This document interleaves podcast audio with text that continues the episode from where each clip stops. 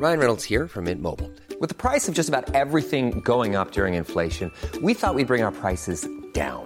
So to help us, we brought in a reverse auctioneer, which is apparently a thing. Mint Mobile unlimited premium wireless. Ready to get 30, 30, bit to get 30, bit to get 20, 20, 20, bit to get 20, 20, bit to get 15, 15, 15, 15 just 15 bucks a month. So, Give it a try at mintmobile.com slash switch. $45 upfront for three months plus taxes and fees. Promo for new customers for limited time. Unlimited more than 40 gigabytes per month. Slows. Full terms at mintmobile.com.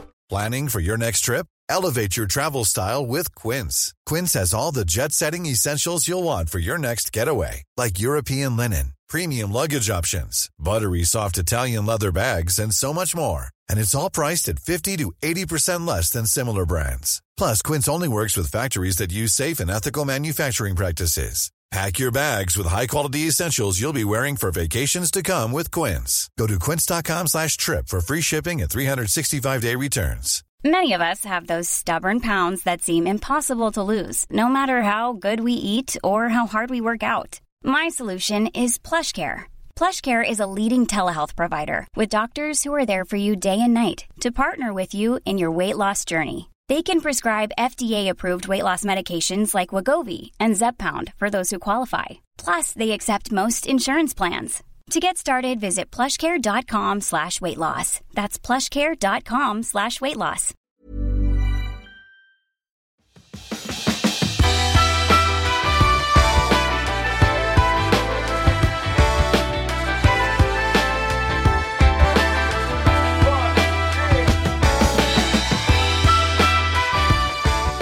Hej och välkommen till Klimakteriepodden med mig, Åsa Melin. Tack för att du eh, lyssnar och eh, tack också för alla frågor och funderingar. Och Det är ju min stora inspirationskälla till ämnen och avsnitt för jag kan ju inte rimligtvis själv ha alla symptom och eh, känna av allt det här som vi pratar om. Tack och lov skulle jag vilja säga också. Nu tar vi tag i en hel radda frågor som har kommit in och som kanske inte har fått tydliga svar tidigare. Och eh, med mig så är jag väldigt glad för att ha gynekolog Tord Nässén från Uppsala. Han har även varit med tidigare i podden där vi har pratat om hjärt-kärlsjukdomar, hormonbehandling eh, och så vidare. Och då finns han i avsnitt 141, 103 och 11. Eh, och du som också är flitig lyssnare kanske känner till SFOG och VHI-studien men för tydlighetens skull så tar jag bara det snabbt här då att SFOG det är Sveriges förening för obstetrik och gynekologi och de ger alltså ut riktlinjer för just menopausal hormonbehandling och vi talar ju om det här i början på avsnittet om varför gynekologer och allmänläkare inte alltid följer de här riktlinjerna.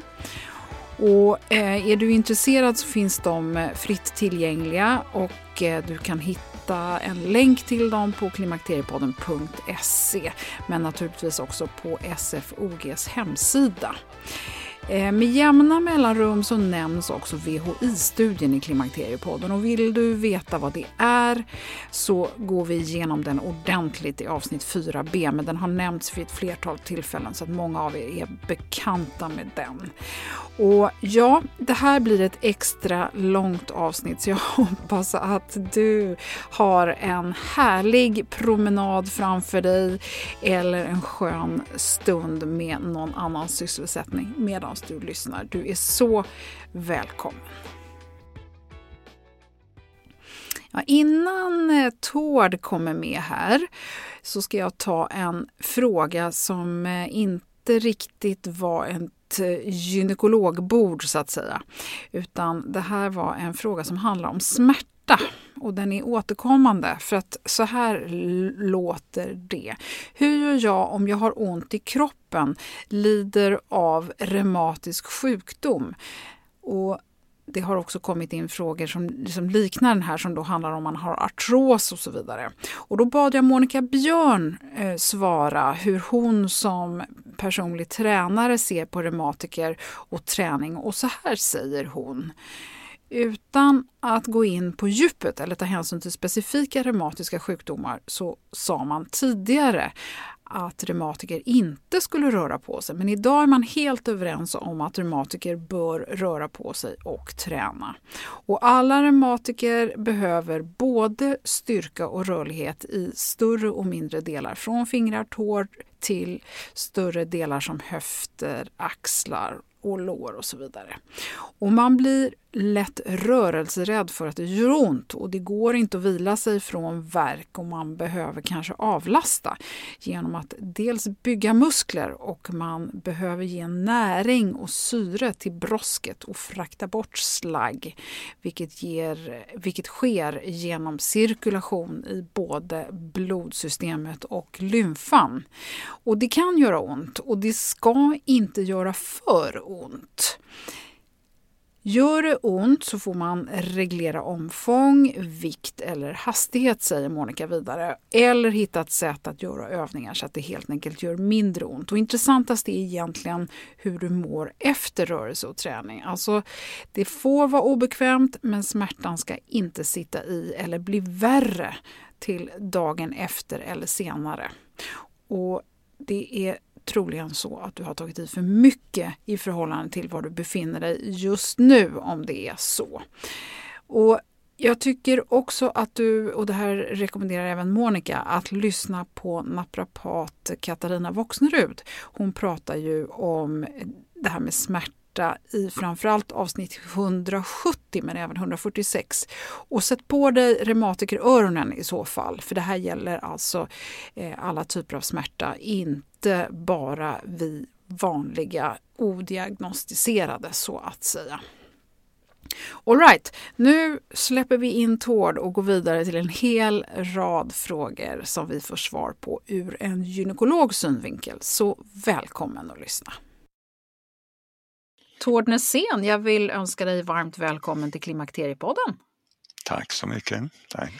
Jag tror att det finns stor chans att eh, någon som lyssnar på det här har hört dig tidigare i Klimakteriepodden. Och du är ju en väldigt klok man som har arbetat med kvinnors hälsa i många år. Och du är knuten till Uppsala där du är senior professor i obstetrik och gynekologi. Och du har jobbat otroligt mycket med spännande forskning och du har också varit engagerad i SFOG, Sveriges förening för obstetrik och gynekologi och varit med och skrivit och skrivit om riktlinjerna för hormonbehandling och så vidare. Har jag missat någonting nu? Nej, det där låter väl bra tycker jag. Ja.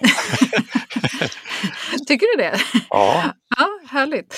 Du eh, Tord, först, eh, vi, vi ska behandla en rad eh, lyssnarfrågor här idag. Eh, och en av dem som återkommer är väl kanske inte så mycket en fråga som en frustration från många. Och, eh, om vi liksom försöker oss på det här då utan att eh, bli alltför elaka här så tänker jag så här att först försöker vi förstå då hur det kommer sig att man får så olika behandling och information från läkare i allmänvården och även gynekologer. Eh, och att inte alla i, i Sverige så att säga agerar på samma sätt. Finns det några krav på vidareutbildning inom vården? Och hur är det med kraven på att man ska liksom vara opartisk? Och, eller är det fritt fram att jobba efter eget huvud, tycke och åsikter? Ja, att det är en frustration, det har jag själv upplevt faktiskt de senaste två decennierna.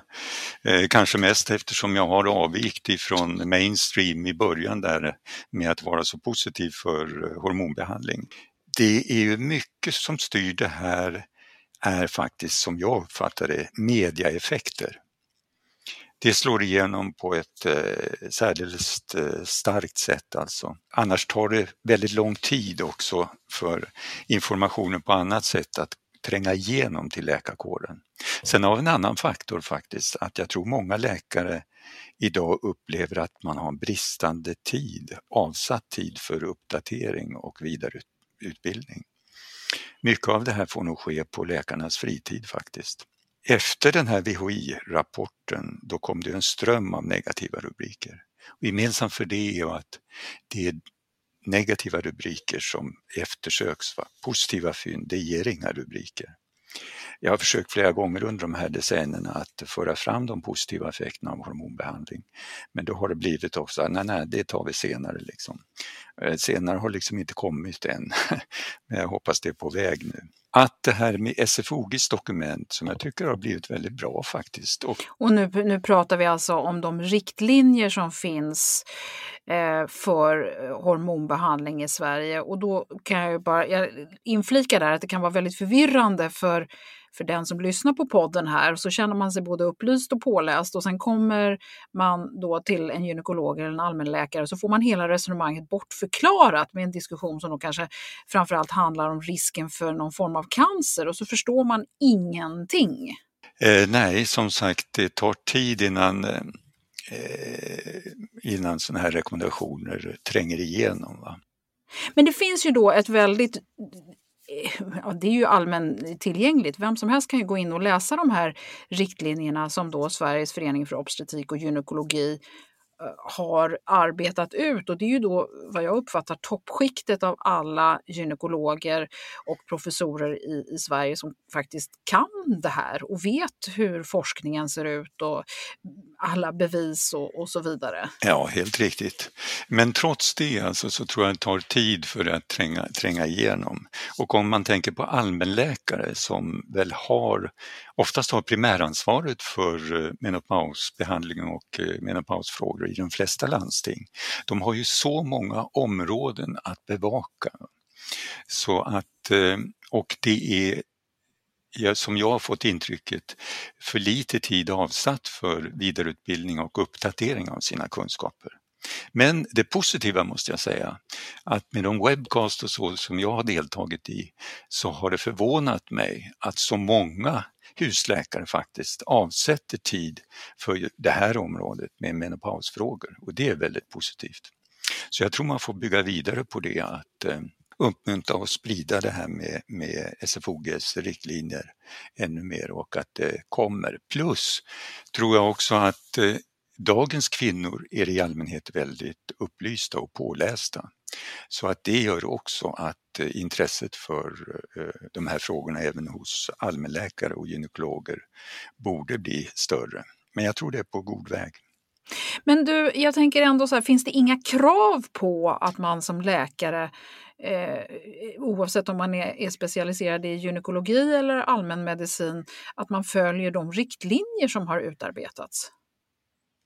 Eh, ja, man skulle ju följa de, de eh, lagar och riktlinjer som gäller. Därmed är det ju inte vad jag vet så mycket formaliserade kontroller av kunskapsläget och uppdateringen av kunskapsläget som det är i en del andra länder. I England till exempel, vad jag har hört, så behöver man genomgå eh, tester hela tiden för att eh, då visa att man är uppdaterad. Mm. Ja, men jag tänker lite grann som en, en pilot får inte hålla på och flyga hur som helst med passagerare utan att man fortbildar sig och, och håller sig uppdaterad. Så det är så märkligt tycker jag att det här, alltså vi, vi har ju som individer tror jag i alla fall grundmässigt tilltro till läkarkåren. Ja, det, det är det fortfarande, absolut, det tror jag också. Jag åker bra eh, förtroende mellan läkare och eh, patienter. Eh, men som sagt, det varierar hur långt det tränger igenom och hur snabbt det tränger igenom. Eh, jag har faktiskt själv erfarenhet av att ha föreläst det här i en positiv riktning. Men sen via patienter faktiskt fått höra att man får andra rekommendationer av läkarna som har varit på föreläsningar. Ja, men det är inte klokt. Jo, det är lite märkligt. Ja, så, så är det. Det tar tid alltså. Och eh, det kan nog vara så att det här enorma mediebruset som har varit nu senaste eh, två decennierna, va, som har pepprat både allmänhet och läkare med i princip idel negativa eh, omdömen om hormonbehandling. Det tror jag har satt sig väldigt djupt så att många har varit länge skeptiska till det. Mm. Tyvärr. Men eh, en, en, en, sista fråga på ämnet. Eh, regionerna, har de alltså då, om jag förstår dig rätt, de har ingen sån riktlinje som säger att så här ska man fortbildas och så här mycket tid ska man lägga på det. Jag skulle vilja vända på det att eh, det är regionerna heller regionerna som har ansvaret för att det ska ordnas fortbildning. Däremot är jag mer tveksam till om det verkligen görs i den utsträckning som man skulle önska. Och det är, intrycket är också att det är färre och färre svenska doktorer på utländska kongresser eh, nu, eh, ja, senaste åren jämfört med tidigare. Ja, för man har inte tiden och kanske inte pengarna heller då? Eller att man inte får eh, tid, är ledigt ska man, ska man väl inte kalla det, men man får inte tid avsatt för att åka på sånt. Ja. Ekonomin räcker inte till för det verkar det som, Nej. utan det, man ska vara på kliniken. Alltså det här med läkeri och eh, sjukhus, det är ju en kunskapsindustri, va? eller kunskapsverksamhet. Det är ju ingenting som man eh, blir och eh, får en läkartitel och sen är det klart, utan det är ju ett lärande hela livet i princip. Mm. Men så agerar inte alla läkare trots att de borde då? Nej, eh, och som sagt, eh, jag tycker nog landstingen inte heller lever upp till eh, sitt åtagande att det är de som ska stå för vidareutbildningen. Mm. Ja, jag ska inte hetsa upp mig vidare för det skulle jag kunna göra eh, ordentligt och jag vet att när du och jag har pratat vid andra tillfällen så kan vi elda på varandra. Vi ska inte göra det nu. Nej, det... Instämmer. Ja, vi sätter punkt där. Du, eller inte punkt ska vi inte sätta, utan vi ska komma in på de här eh, övriga lyssnarfrågorna. Först bara tänkte jag, finns det någon ny spännande forskning som kan vara är på gång som är intressant för eh, mina lyssnare? Ja, det hela tiden kommer det ju förstås eh, nyheter som lägger till det. Och eh, man kan väl säga att det som, har, som jag har uppfattat på senaste tiden det är väl mer att eh, det har blivit bekräftande på att eh, hormonbehandling har många positiva effekter. Det har eh, Sen kan man väl kanske säga, även om det inte är riktigt etablerat, det har ju också uppmärksammats i sammanhanget med covid till exempel. Eh, där verkar det enligt en del rapporter eller preliminära analyser att det möjligen kan vara så att eh, eh, kvinnor med hormonbehandling klarar sig bättre då än kvinnor utan. Det skulle kunna vara att den här antiinflammatoriska effekten av östrogen eller hormonbehandling det skulle också kunna vara en delförklaring till att det verkar vara färre kvinnor än män, i alla fall tidigare rapporter tyckte det verkar så, som drabbats eller drabbats av svår covid. Mm. Så att eh, östrogensituationen kanske skulle hjälpa till lite grann där. Men sista ordet är nog inte sagt i den frågan förstås. Nej. Då kör vi vidare här från det ena till det andra. En kvinna undrar, stabiliserar sig vikten när hormonerna är i fas med varandra? man kan säga så här, normalt efter normal menopaus, då blir utvecklingen att fettmassan ökar och muskelmassan minskar. Så att relationen mellan dem förändras.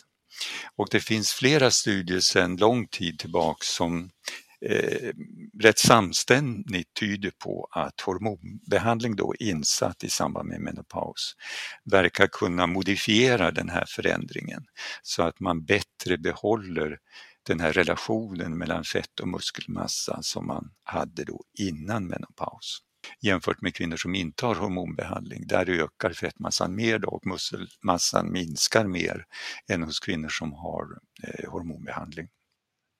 Här har vi en fråga som handlar om att extremt torra ögon, har det med klimakteriet att göra? Eh, det kan det ha att göra med. Eh, först skulle man veta kanske vilken ålder patienten har. Men är det så att det har gått flera år eller hon är i menopaus och kanske samtidigt har besvär från munslemhinnor och eh, underlivslemhinnor underlivsslemhinnor och så vidare. Då är det mycket troligt att de här besvären från ögonen också sammanhänger med de låga östrogennivåerna. I Sverige har vi ju, eh, in, in, vad jag vet, inga eh, lokalbehandlingar för slemhinnorna i ögon men det vad jag förstår förekommer i vissa andra länder. Mm, det, är också, ja, det är också så att låga hormonnivåer av östrogen påverkar negativt slemhinnorna överallt, både ögon, underliv, munslemhinna, svalg och tarm. Och vad gäller tarmen så tror jag själv att det är den eh, enkla effekten kanske som ligger bakom att eh, eh kvinnor med hormonbehandling jämfört med utan hormonbehandling har ungefär 35 procent lägre risk för att utveckla koloncancer, alltså tjocktarmscancer. Mm. Eh, det kan nog vara så att slemhinnorna då blir eh, kraftigare och starkare, liksom man uppenbart ser i, i underlivet då vid behandling och att då slemhinnorna står emot den irritation som annars blir av allt som kan passera i tarmen. Och irritation och inflammation är ju en grogrund för möjligheterna för cellavvikelser och cancer. Mm. Så att det kanske sammanhänger på ett sådant enkelt sätt faktiskt. Vi ska ta ett antal frågor som också handlar om att man inte tål eh, hormoner. Men eh, innan vi kommer dit så tänker jag så här att eh, vi ska eh, ta en fråga som, som lyder så här. Är det rimligt att jag hamnat i klimakteriet eller snarare fått besvär som värmevallningar, hjärndimma, hjärtklappning flera år efter sista mens? Är det möjligen ett tecken på att jag bör söka läkarvård? Eh, ja, korta svaret skulle jag vilja säga är ja. Och om man har besvär av den här typen, att man söker läkare och får diskutera igenom och få en bedömning av det här. Det vanligaste annars är ju förstås att de här typiska klimakteriebesvären med värmevallningar, svettningar, sömnstörningar, irritabilitet och så vidare, att de uppträder snarast något eller några år före mensen slutar eller i relativt nära anslutning till att menstruationerna slutar. Och att sen att de ofta successivt försvinner efter en 5-6 år. Men det är inte helt ovanligt att de uppträder senare och också verkar reagera på samma sätt, eh, positiva sätt på hormonbehandling. Men här kan vi ju då komma in på nästa fråga som egentligen handlar om sköldkörtelproblem. Och, för jag tänker att de här symptomen kan ju vara ganska lika. Och då är det en första fråga som lyder så här. Det skulle vara värdefull information att dyka ner i orsaken till sköldkörtelproblem och vad man själv kan göra åt det. Jag försöker förstå underliggande orsaken till sköldkörtelproblematik. Ja, helt riktigt det du själv påpekar här att sköldkörteln kan, eller överfunktion i sköldkörteln kan ju ge besvär som liknar delvis klimakteriebesvär. Så det är en differentialdiagnos eller en ut, eh, diagnos som man måste utesluta då för att eh, slutligen hamna att det troligtvis är klimakteriebesvär. Men när det gäller sköldkörtelbesvär så måste jag eh, utlysa en varning. Jag är som sagt ingen allmänläkare och ingen expert på tyrodea. Normalt sett så är ju eh, ämnesomsättningen väldigt, väldigt fint reglerat i kroppen och sköter vikten och så vidare helt eh, perfekt. Va? Men sådana här endokrina sjukdomar, alltså hormonsjukdomar, är ju inte ovanliga, framförallt hos kvinnor och även sköldkörtelsjukdomar. Det kan finnas en massa bakomliggande faktorer, immunologiska, autoimmuna. Det kan vara inflammation i, i sköldkörteln. Tidigare var det jodbrist också som kunde ge förstoring av sköldkörteln. Eh, strålbehandlingar kan ge det och så vidare. Eh, vad som har slagit mig är ofta när man träffar kvinnor som har haft eh, besvär med sköldkörteln eller fortfarande har det, är att en del faktiskt eh, inte upplever sig må helt bra trots att de har en behandling som ger normala, de, av de normala värden på de vanliga eh, sköldkörtelhormonerna. Och i de fallen tror jag att eh, kvinnorna ska söka sig till superspecialister för, för sköldkörtelsjukdomar, för det verkar vara ett eh, väldigt avancerat område. Annars kan man säga att den eh, intryck jag har att det här systemet med endokrina körtlar där stimuleringshormonen alltså kommer från hypofysen. Va? För sköldkörteln är det tyreoideastimulerande hormon, TSH, och för äggstockarna är det follikelstimulerande hormon, FSH, och LH, luteiniserande hormon. Och de består av en, en mängd olika varianter med olika verkningsgrad och olika halveringstid.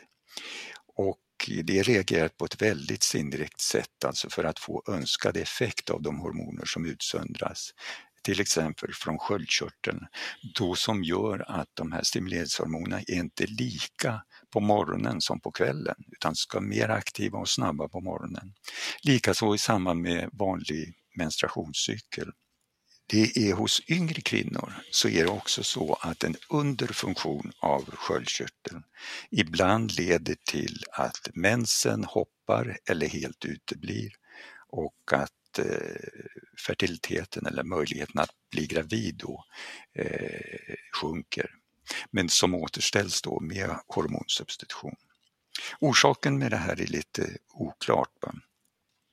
Och då om man tänker sig att den här debuten sker kring klimakterieåren, eh, då känns ju det här resonemanget kanske inte riktigt lika relevant. Nej, eh, vad jag har uppfattat så efter menopaus där ser man inte de här skillnaderna mellan FSH eh, för de som med hypotyreos och inte hypotyreos.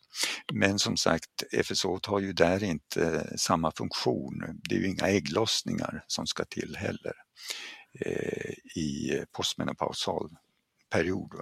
Om det gäller sköldkörtelhormoner och eh, dysfunktion där som inte upplevs bli bra på behandling, då tror jag man får söka sig till de som verkligen är specialister på det här och få en, en mer speciell behandling av med eh, kanske alternativa former av ersättningshormoner av eh, eh, tyroidea-hormonkaraktär. Jag har svårt att tro att man på egen hand kan eh, göra något substantiellt för att förbättra sköldkörtelfunktionen.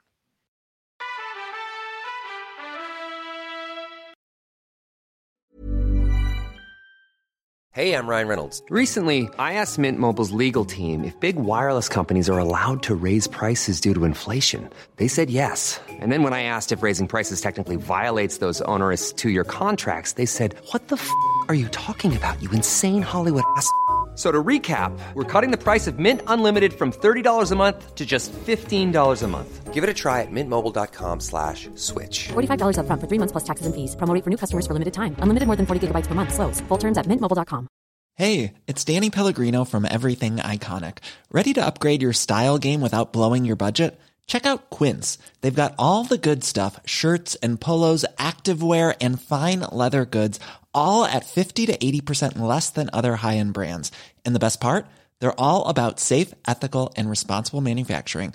Get that luxury vibe without the luxury price tag. Hit up quince.com slash upgrade for free shipping and 365 day returns on your next order. That's quince.com slash upgrade. Quality sleep is essential. That's why the Sleep Number Smart Bed is designed for your ever evolving sleep needs. Need a bed that's firmer or softer on either side? Helps you sleep at a comfortable temperature? Sleep Number Smart Beds let you individualize your comfort so you sleep better together. JD Power ranks Sleep Number number 1 in customer satisfaction with mattresses purchased in-store. And now, save 50% on the Sleep Number limited edition Smart Bed for a limited time. For JD Power 2023 award information, visit jdpower.com/awards. Only at a Sleep Number store or sleepnumber.com.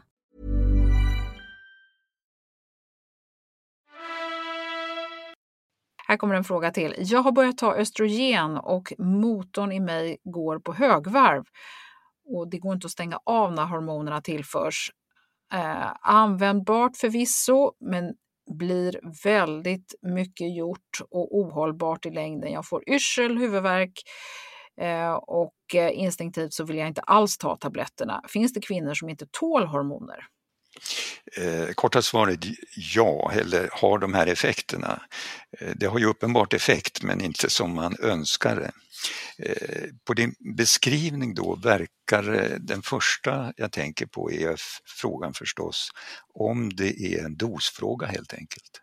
Om man skulle kunna prova med betydligt lägre doser för att se om det eh, upplevs bättre då.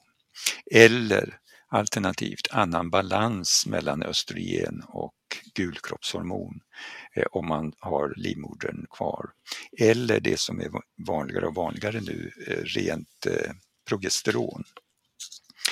Eh, det skulle vara intressant att prova och eh, jag ser fram emot eh, flera studier som mer utvärderar Eh, det rena progesteronets eventuella positiva effekter på humöret eller positivare effekter på humöret jämfört med de här så kallade progestogenerna som vi hittills använt, de syntetiska progesteronerna. Som vi brukar kalla gestagen då? Ja, precis. Men i första hand kanske också prova lägre doser.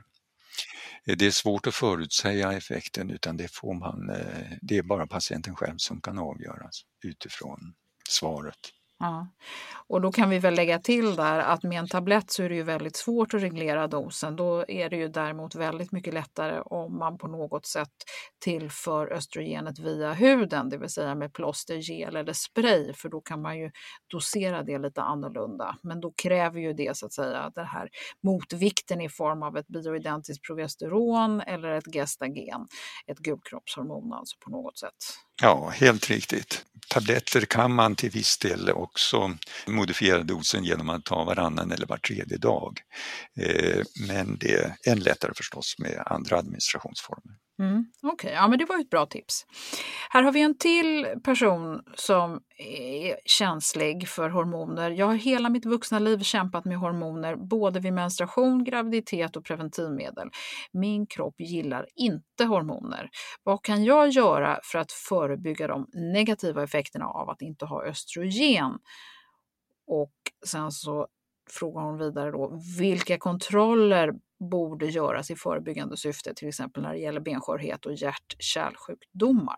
Ja, jag vet inget eh, enskilt preparat som annars lika effektivt som hormonbehandling kan motverka både risken för eh, frakturer och eh, risken för hjärt-kärlsjukdomar. Eh, det vet jag inte.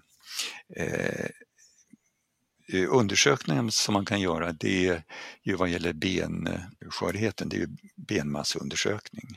Men den tittar ju enbart på själva benmassan. Jag är av åsikt att eh, mycket av de frakturer som vi ser idag vad gäller underarmsfrakturer och eh, höftfrakturer, det är kanske till en större del beroende på att man ramlar omkull med dålig balans helt enkelt.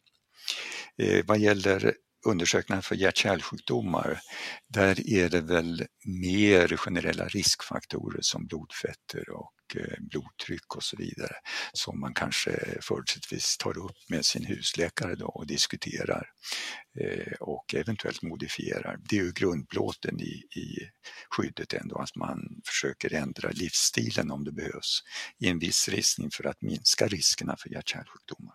Så att eh, Fysisk aktivitet absolut, både för hjärt-kärlhälsa och för att minska frakturrisken.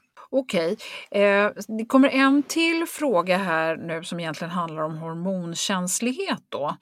Eh, har läst lite om det här med PMS och PMDS och vad man tror är orsaken känslighet från allopregnanolon, och det här är ett komplicerat ord då, eh, har lite svårt att förstå hur det kan vara orsaken då man eh, som gravid har höga progesteronhalter och därmed borde man kanske kunna också ha höga halter av just det här allopregnanolonet.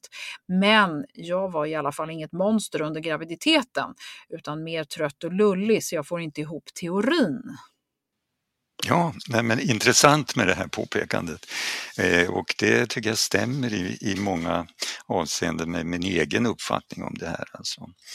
Eh, helt riktigt, under graviditeten då har man jättehöga nivåer, både av östrogen och progesteron.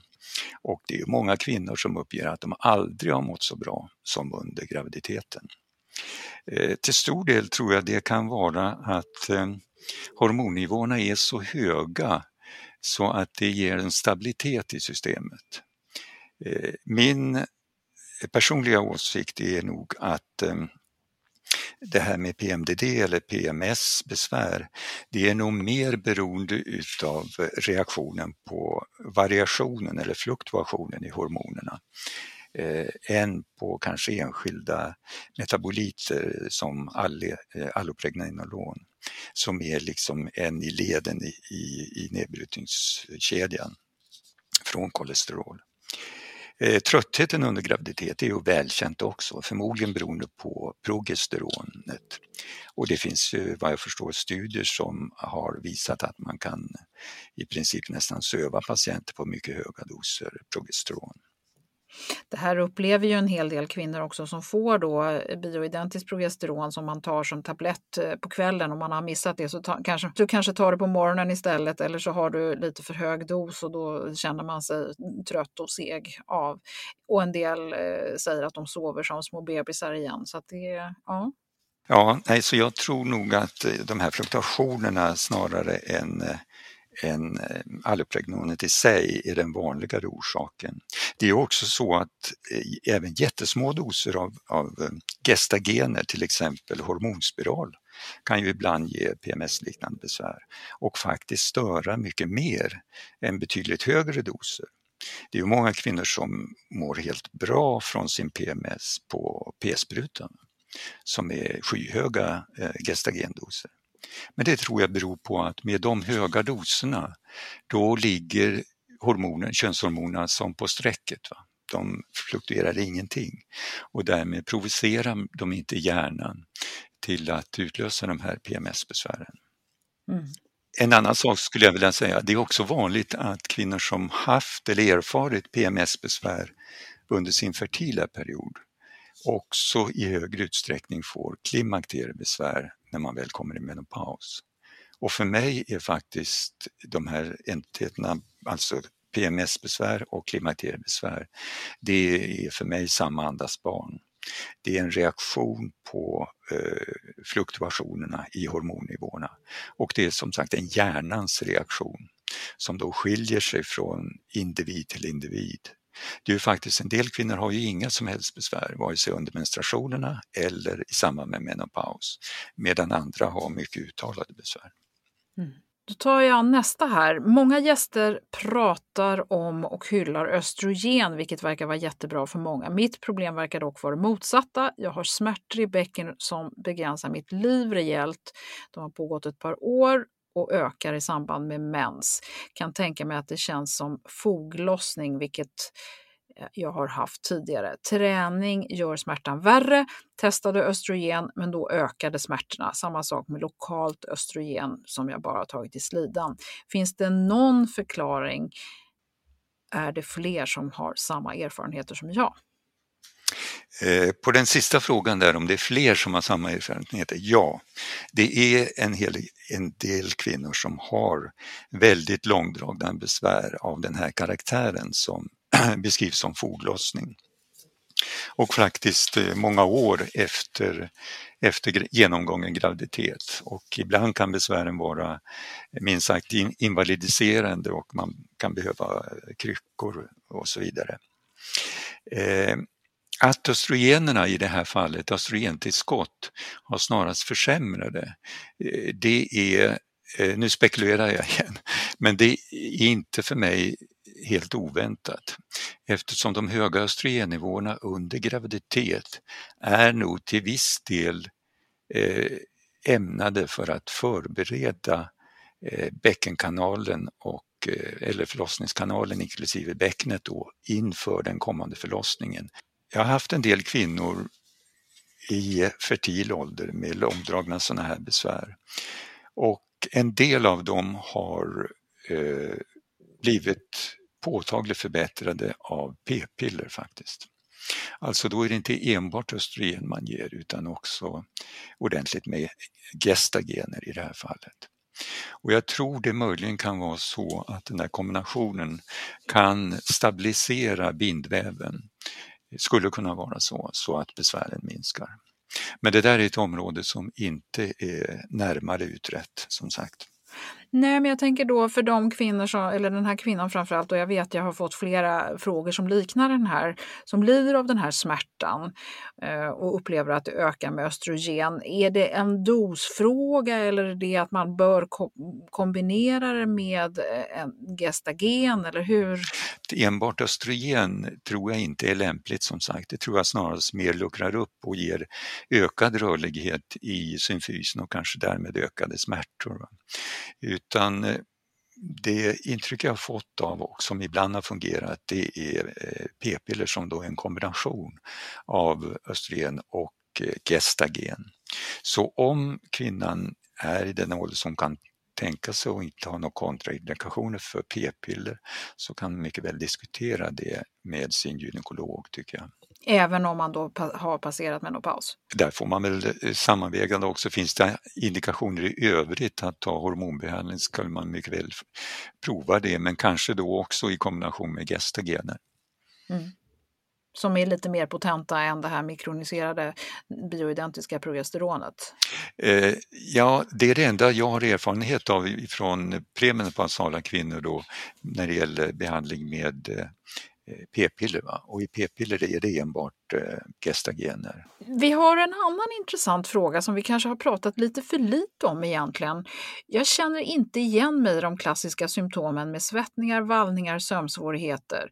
I kinesisk medicin talar man bland annat om att vattenkvinnor som istället blir kalla och får ont i ländrygg och knän och där kände jag genast igen mig när jag de senaste månaderna frusit genom märg och ben och jag skulle gärna vilja veta mer och kanske lite mer eh, de här ovanliga symptomen på klimakteriet, vad man kan göra åt dessa. Jag, jag tänker att det måste finnas fler än jag som inte känner av de klassiska symptomen.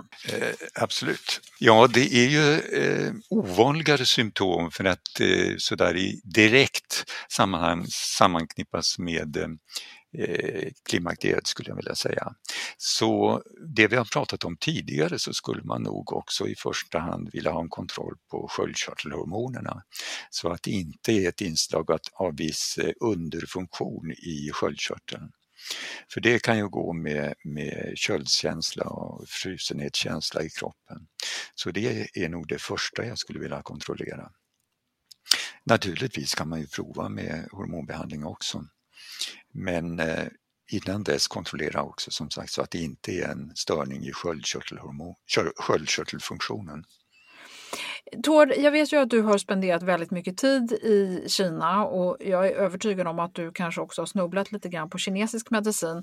Eh, det här när man talar om, som hon nämnde här, det här med vattenkvinnor. Eh, är det något som du känner igen eller vet du någonting om hur man i Kina på traditionellt sätt skulle behandla den här typen av patient?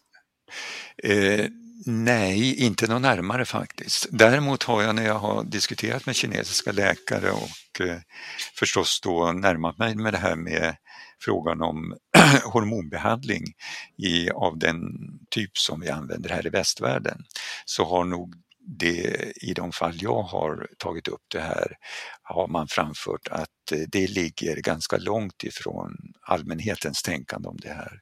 Får man sådana här besvär, då provar man i första hand TCM, traditionell Chinese medicine, alltså TCM.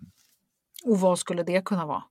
Ja, det kan nog vara eh, väldigt mycket olika saker. Det har jag ingen aning om faktiskt. Nej. Men jag har sett, eh, jag har all respekt för eh, Eh, traditionell kinesisk medicin som den har bedrivits, eller historien om den i Kina.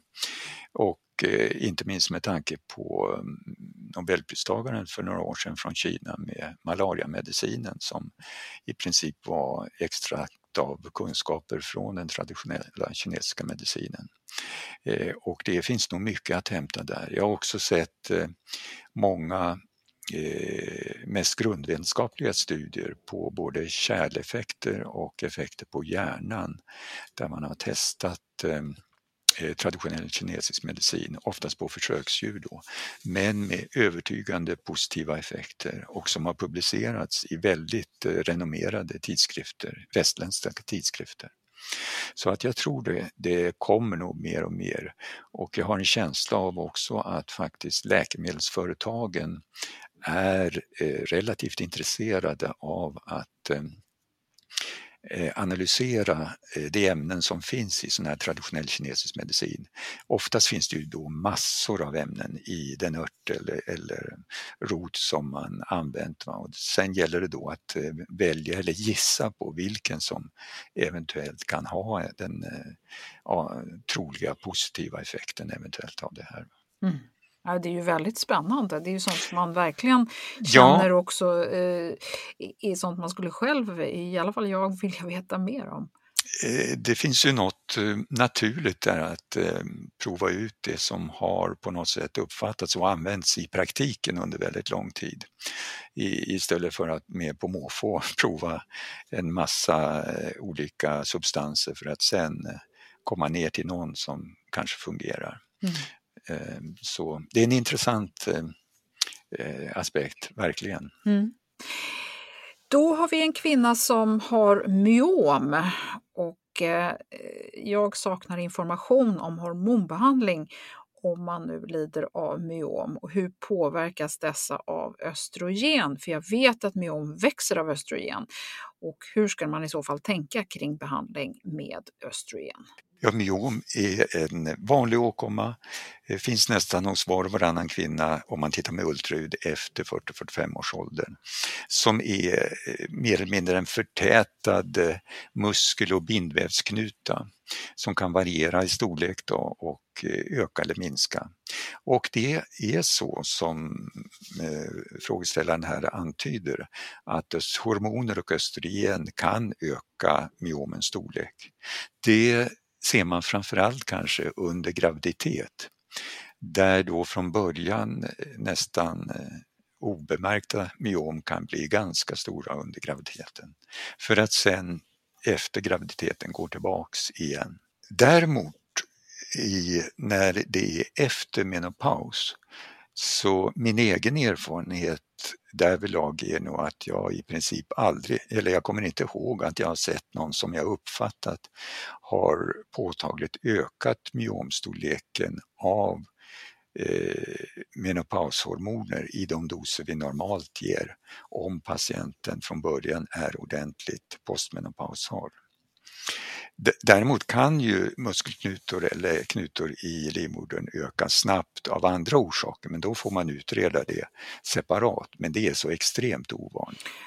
Sen har vi ett par frågor som handlar om eh, hysterektomi, det vill säga att man har fått eh, livmodern bortopererad och det kan ju finnas olika skäl till det då, men eh, då hamnar man ju i klimakteriet absolut omedelbart, upplever den ena kvinnan och då tänker jag att hon har fått sina äggstockar opererade eh, bort samtidigt, för då säger hon så här, samma sak för kvinnor som får ta mediciner i samband med bröstcancer. Hysterektomi är, eh, eller har varit ett vanligt ingrepp. Oftast är det blödningsrubbningar eller stora myom som gör att man har opererat bort livmodern. Då. Och man kommer i menopaus på det sättet att mensen slutar. Men som du antydde också, det är en skillnad därvidlag om man inskränker sig till att ta bort livmodern som sådant om mensen försvinner och har äggstockarna kvar, då kan man säga att hormonproduktionen i princip fortsätter ungefär som normalt som den annars skulle ha gjort till menopaus. Möjligen att man kommer aningen, aningen tidigare menopaus enligt en del studier, men det är marginellt. Däremot är det en helt annan sak om man vid operationen också tar bort äggstockarna. För då kommer man, precis som du antydde, abrupt i menopaus med mycket låga hormonnivåer och oftast då våldsamma besvär eh, hos många kvinnor. Som också antyddes i frågan här så är det också ungefär liknande effekt vid eh, aromatashemmabehandling hos kvinnor med genomgången bröstcancer. Då stänger man i princip av det enzym som lokalt på eh, olika ställen i kroppen tillverkar östrogen så att det blir väldig östrogenbrist eh, generellt i kroppen. Och det ger också oftast eh, påtagliga besvär. Både klimakteriebesvär, eh, besvär från muskler och leder och, och benhinnor och så. Så att det är ett vanligt, vanligt problem. Mm man brukar med aromatasbehandling, pågående aromatasbehandling så avråds ju från generell hormonbehandling i dagens läge. Eh, nu har det blivit en viss öppning för eh, vaginal, så kallad lokal hormonbehandling med lokala lågdoserade eh, östrogenformer som heter östriol som är svagare än det vanliga östradiol. Och det är eh, tacksamt och bra tycker vi från gynekologsidan att det har kommit. För många kvinnor med aromatasbehandling får ju förstås också uttalade besvär från slemhinnorna och underlivet. Mm. Och det brukar bli bättre även på den här låga dosen.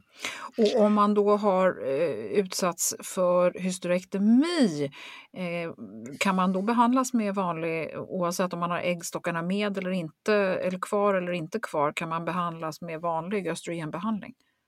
Inte vid eh, bröstcancer? Nej, eh, men nej, jag tänker om man nu bara har, eller bara, men om man nu har fått livmodern och, ja, ja. och ja, eller äggstockarna mm. borttagna. Mm, helt riktigt. Helt riktigt. Eh, där är det en skillnad. Vi ger ju kombinationen med östrogen och gestagen eller progesteron enbart om kvinnan har livmodern kvar. Och det är blott i akt och mening att skydda livmoderslemhinnan för den stimulering eller tillväxt av livmoderslemhinnan som enbart östrogenbehandling ger om man inte ger något gulkroppshormon. Eh, det vill man undvika för då ökar risken för cellavvikelser i slemhinnan över tid. Så den stora saken är här att då kan man få bara östrogen och då har det ingen betydelse om man har äggstockarna kvar eller inte? Nej, nej. nej vad bra. Helt riktigt. Ja. Då har vi en fråga om lichen sclerosus, LS. En hudsjukdom som drabbar regionen underliv, vulva och anus och misstas många gånger för eksem eller svamp. Och så skriver den här kvinnan att tyvärr har jag nyligen fått den här diagnosen och som alla andra åkommor så är den både svårdiagnostiserad och svårbehandlad. Och eh, jag har anslutit mig till en Facebookgrupp men man blir bara förvirrad och matt av all info man får. Har du någonting du kan trösta dessa kvinnor med? Jag kan ju säga att eh, min erfarenhet av att många kvinnor har väldiga besvär av det här, helt klart alltså. Men det brukar nog vara så att eh, i rätta händer så kan kvinnan få eh, relativ lindring åtminstone av det här. Så min rekommendation är att söka sig till en klinik eller en specialist som har mer inriktning på vulvamottagning, alltså besvär från slidöppningen vulvamottagningar brukar det kallas, mm. där man har specialiserat sig på de olika formerna som kan förekomma i slidöppningen både före menopaus och efter menopaus. Och det är nog där man kan få de mest aktuella och de effektivaste behandlingarna i dagens läge för lichenskleros. Ja, vad bra. Och då kan man ju också tänka så här att om man har blivit diagnostiserad med eksem eller svamp och det inte hjälper med den medicinering man har fått så kanske det är precis det här steget man behöver ta, att komma till en vulvamottagning. Ja, och eh, för att få en säker diagnos så brukar den oftast tarva en, en provbit, alltså biopsi. Mm, Okej. Okay. Vad bra Tord! Eh, vad... det positiva för mig i det här skedet nu det är den förändring som är på gång i inställning till hormonbehandlingen. För jag har upplevt det väldigt frustrerande eh, under de här senaste två decennierna, som sagt det motstånd som har varit. Eh, och även faktiskt en acceptans av den eh, Eh, som jag tycker felaktiga tolkningen av den första rapporten från VHI som gjorde att till och med myndigheter fick en alltför negativ eh, tolkning och eh, rekommendationer kring hormonbehandling. Mm. Ja, men vad bra. Det är skönt att det går att reda ut vissa saker även om det tar tid. Och då hoppas vi som sagt, vi började, att det finns... Eh, och att det går åt rätt håll. Ja, men jag tänker också ja. att det vore ju härligt om fler eh, vågade uttrycka sig eh, lite mer nyanserat både i media och Eh, alltså vi kvinnor också mellan varandra tycker jag har en tendens att vara lite kategoriska och eh, försöka tvinga in folk i olika hörn.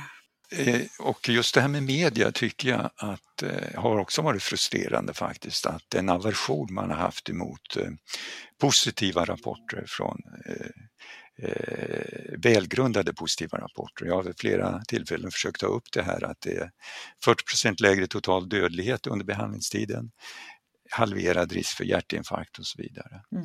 Jag tänker också på en annan sak, eh, de kvinnor som eh, eh, har provat hormonbehandling och inte känner att de har fått positiva effekter. Jag tyckte det var bra att vi fick det sagt här, det kan ju faktiskt vara en dosfråga, att man helt enkelt har fått för mycket också. För det, ofta pratar man om att det är liksom för lite.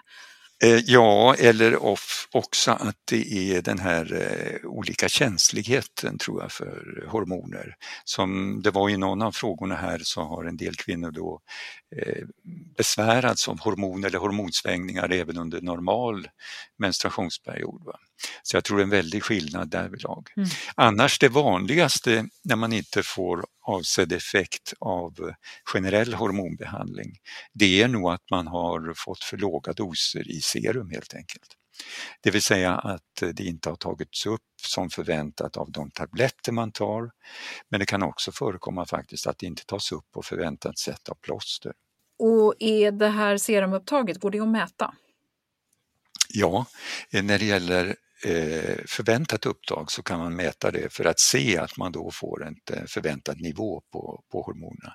Däremot har vi i princip ingen användning av det eh, just vid övergången till menopaus för att avgöra om kvinnan är i menopaus eller inte för det flaxar upp och ner. Utan där får man gå efter symptomen helt enkelt. Mm. Är det klassiska symptom och inte har några kontraindikationer för hormonbehandling då provar man det. Och eh, är det så, effekten brukar komma väldigt snabbt, ibland inom några dagar men i alla fall inom ett par veckor. Har det inte haft effekt om tre, fyra veckor så får man omvärdera det hela och då kanske i första hand fråga sig om kvinnan har fått tagit upp eh, preparatet på förväntat sätt. Va? Och då kanske ta en serumkoncentration för att kontrollera det. Mm. Och vid behov då ändra administrationsform. Så om man har haft tabletter så kan man prova plåster istället eller gel eller så, eller spray. Mm. Vad bra ja. Tord! Då fick vi väl med det mesta tror jag, eller? Jag hoppas det. Ja. Jag hoppas det för dagen. Ja, men vad bra. Då vill jag tacka dig så hjärtligt för att du eh, återigen ville vara med och dela lite av din enorma kunskap. Jag tycker att det är fantastiskt att du eh, ställer upp på det här sättet och är så generös med både kunskap och tid. Så att jag är dig väldigt tacksam och det tror jag att eh, ni som lyssnar också känner. Så stort tack Tord! Mm, tack själv. Tack själv.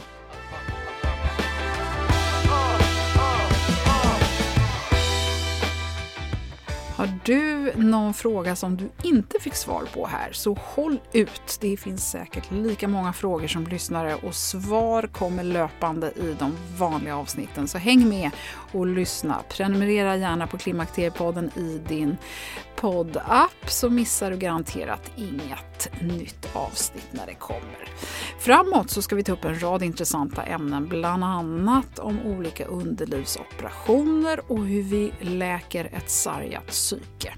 Men först, redan i nästa avsnitt så ska vi höra hur det har gått för Blossom Tainton sen vi senast hörde om hennes klimakterieutmaningar i avsnitt 121.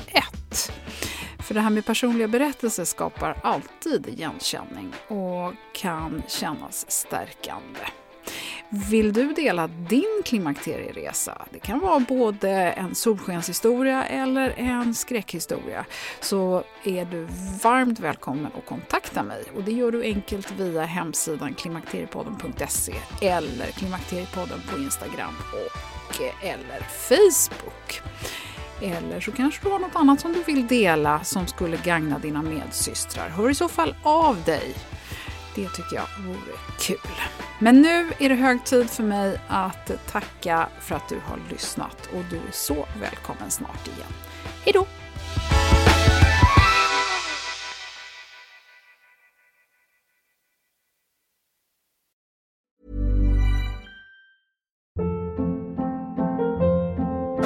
Hold up. What was that? Boring. No flavor. That was as bad as those leftovers you ate all week. Kiki Palmer here, and it's time to say hello to something fresh and guilt-free. Hello Fresh. Jazz up dinner with pecan-crusted chicken or garlic butter shrimp scampi. Now that's music to my mouth. Hello Fresh. Let's get this dinner party started. Discover all the delicious possibilities at hellofresh.com. Imagine the softest sheets you've ever felt. Now imagine them getting even softer over time. That's what you'll feel with Bowl and Branch's organic cotton sheets. In a recent customer survey, 96% replied that Bowl and Branch sheets get softer with every wash. Start getting your best night's sleep in these sheets that get softer and softer for years to come. Try their sheets with a 30-night guarantee. Plus, get 15% off your first order at bowlandbranch.com. Code BUTTERY. Exclusions apply. See site for details. Mom deserves the best, and there's no better place to shop for Mother's Day than Whole Foods Market. They're your destination for unbeatable savings, from premium gifts to show-stopping flowers and irresistible desserts. Start by saving 33% with Prime on all body care and candles. Then get a 15-stem bunch of tulips for just $9.99 each with Prime. Round out Mom's menu with festive rosé, irresistible berry chantilly cake, and more special treats. Come celebrate Mother's Day at Whole Foods Market.